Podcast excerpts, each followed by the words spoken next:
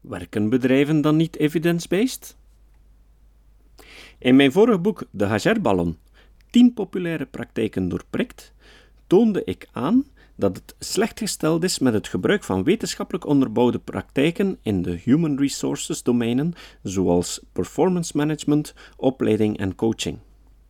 Recent onderzoek in België, Segers al 2009, en Nederland, Groen et al 2006, Sanders et al 2008, geeft aan dat het dramatisch slecht gesteld is met de kennis van academische bevindingen over HR-concepten en instrumenten van HR-professionals. Verdienen ze die titel dan nog wel?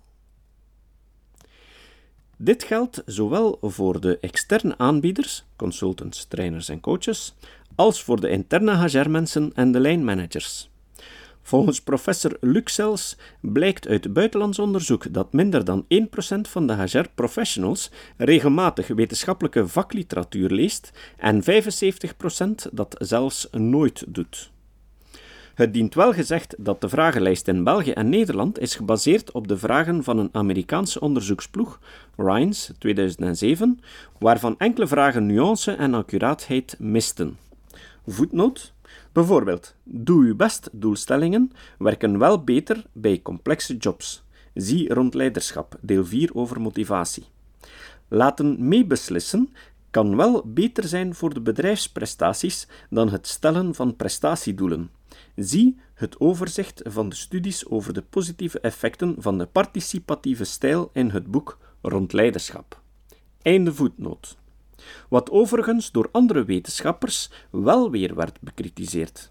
Desondanks zijn de meeste vragen evident. De antwoorden laten een schrijnend gebrek aan kennis van de ondervraagden zien. In deze onderzoeken is ook onrechtstreeks evidentie gevonden dat netwerken en informatiebijeenkomsten niet noodzakelijk een goede zaak zijn. Mensen die hier regelmatig aan deelnamen, bleken op het vlak van kennis slecht te doen. Blijkbaar hebben de netwerkbronnen geen of zelfs een negatieve invloed op het kennisniveau in zowel België als Nederland. Segers et al 2009. Ook mijn eigen ervaring is dat je op zulke netwerkbijeenkomsten veel onzin, nieuwtjes en de laatste hypes hoort, maar zelden degelijk onderbouwde zaken.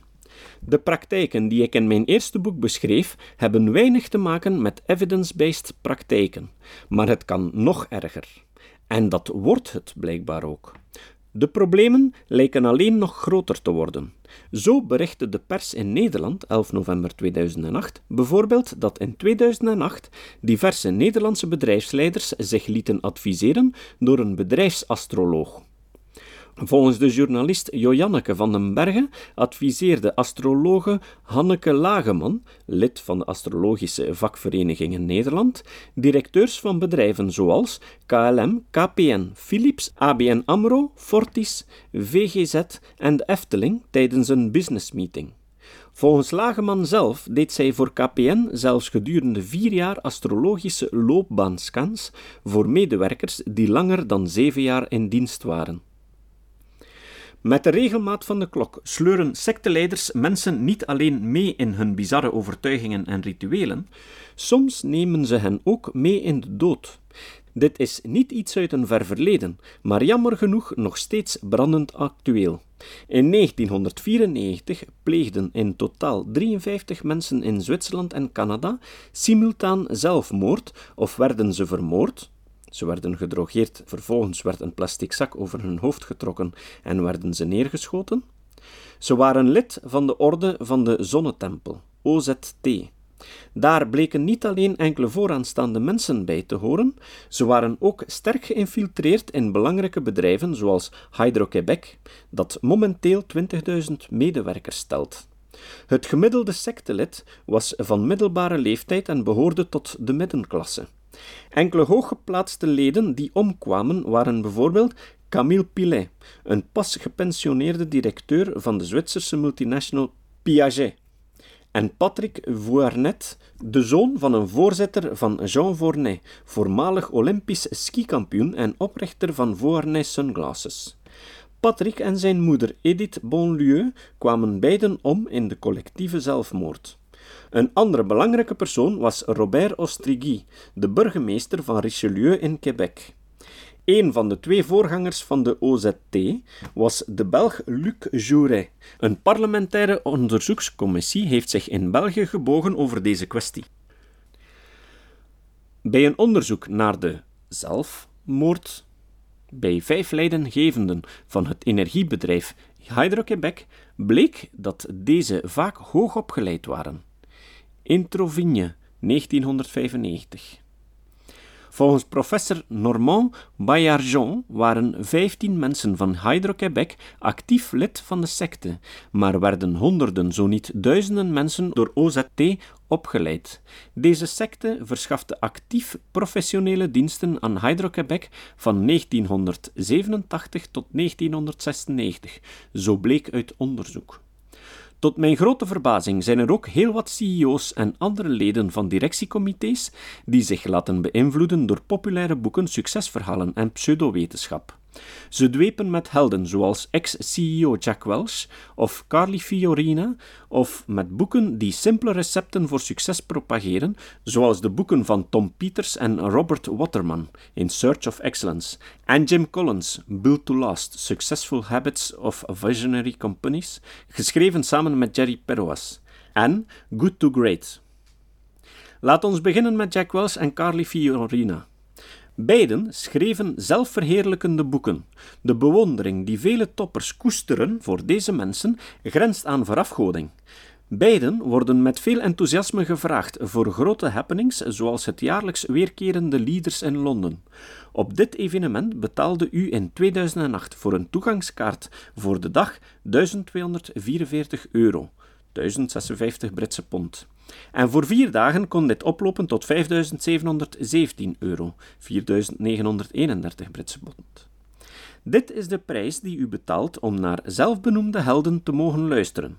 Jack Welch, de voormalige CEO van General Electric, liet niet alleen vele tienduizenden mensen ontslaan, vandaar zijn naam Neutron Jack, maar hij voerde tevens een van de meest perverse evaluatiesystemen ter wereld in, waar veel mensen in andere bedrijven nu nog last van hebben. Hij pleitte immers om een puntensysteem in te voeren voor werknemers. Hij legitimeerde zijn keuze op het loutere feit dat men dit in het onderwijs ook deed, dus waarom niet voor werknemers? Hij maakte een geforceerde rangschikking op basis van de Gauss-curve, normaalverdeling.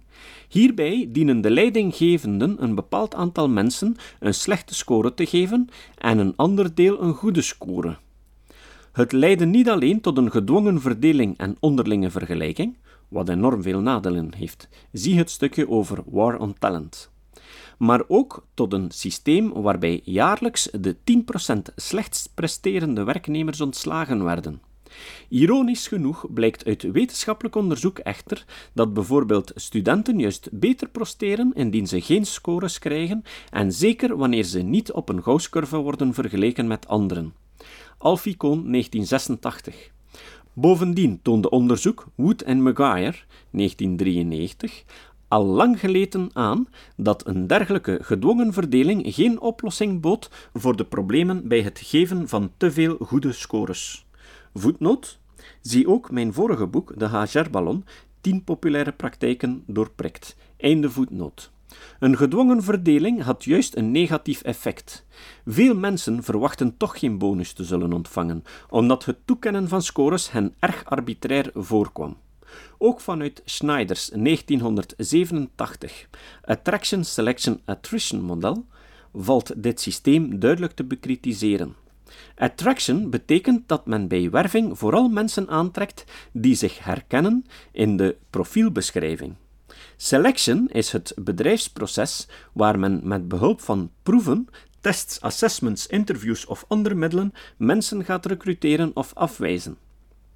Ten slotte vindt er ook een proces van attrition of vernauwing plaats, waarbij men gerecruiteerde mensen gaat trainen om vervolgens diegenen die niet blijken te voldoen aan het einde van een proefperiode te ontslaan.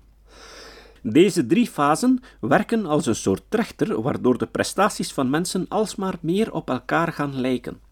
Dus het uit elkaar trekken van scores is een louter kunstmatig proces. Het is verbazingwekkend hoe vaak leidinggevenden refereren naar deze Jack Welch-praktijk als een goede praktijk. Omdat Jack Welch hun held is, gaat men ervan uit dat hij niets fout kon doen. Of is het zijn grote bekendheid en overmatige rijkdom die hun inzicht vertroebelt? Welsh had een schandalig riante en geheim gehouden pensioenregeling geregeld van ettelijke miljoenen dollar, gebruik van privéjets van General Electric en een riant appartement enzovoort. Pas na een vechtscheiding van zijn tweede vrouw, Jane Beasley, kwam dit allemaal aan het licht. Na een onderzoek van de Securities and Exchange Commission in Amerika dat erop volgde, stemde hij in met een jaarlijkse terugbetaling van ongeveer 2,5 miljoen dollar. Of neem Carly Fiorina, in 2008 tevens een vooraanstaand en dik betaald spreker op Leaders in Londen. Ze is de voormalige CEO van Hewlett Packard, maar heeft een trieste track record. Ze kon de neergang bij HP niet stoppen, ondanks dat de markt volop herstelde. Ze zaaide tweedracht omdat ze, zo bleek later, een waar terreurbeleid voerde binnen haar directiecomité. De cijfers en het debakkelen in het directiecomité leidden in 2004 uiteindelijk tot haar ontslag. Het geruzie in het directiecomité resulteerde kort nadien in spionagepraktijken 2005, met middelen zoals het aftappen van telefoongesprekken van leden van het directiecomité. Nog in 2008 kwam ze weer negatief in de pers in haar hoedanigheid als adviseur-woordvoerder van presidentskandidaat McCain. Ze deed enkele ongelukkige uitspraken over het leiderschap van McCain en Palin. Ze zouden geen bedrijf als HP kunnen leiden. Interview op radiostation KTRS op 16 september 2008. En de terugbetaling van Viagra. There are many health insurance plans that will cover Viagra, but won't cover birth control medication. Those women would like a choice. Tijdens een persbijeenkomst op 7 juli 2008. Ze werd dan ook prompt op non-actief gezet. Bij haar ontslag bij HP ontving ze een riante gouden parachute van 21 miljoen dollar. Volgens sommigen werd zelfs het dubbele betaald, wat ze zelf ontkent. Volgens de berichtgeving in diverse media, ABC News, The Washington Post enzovoort, werd ze niet alleen door haar eigen directiecomité, de personeelsleden en de aandeelhouders, maar ook door externe financiële analisten gedesavoueerd door haar slecht leiderschap. Wat doet ze dan op een forum als Leaders in Londen?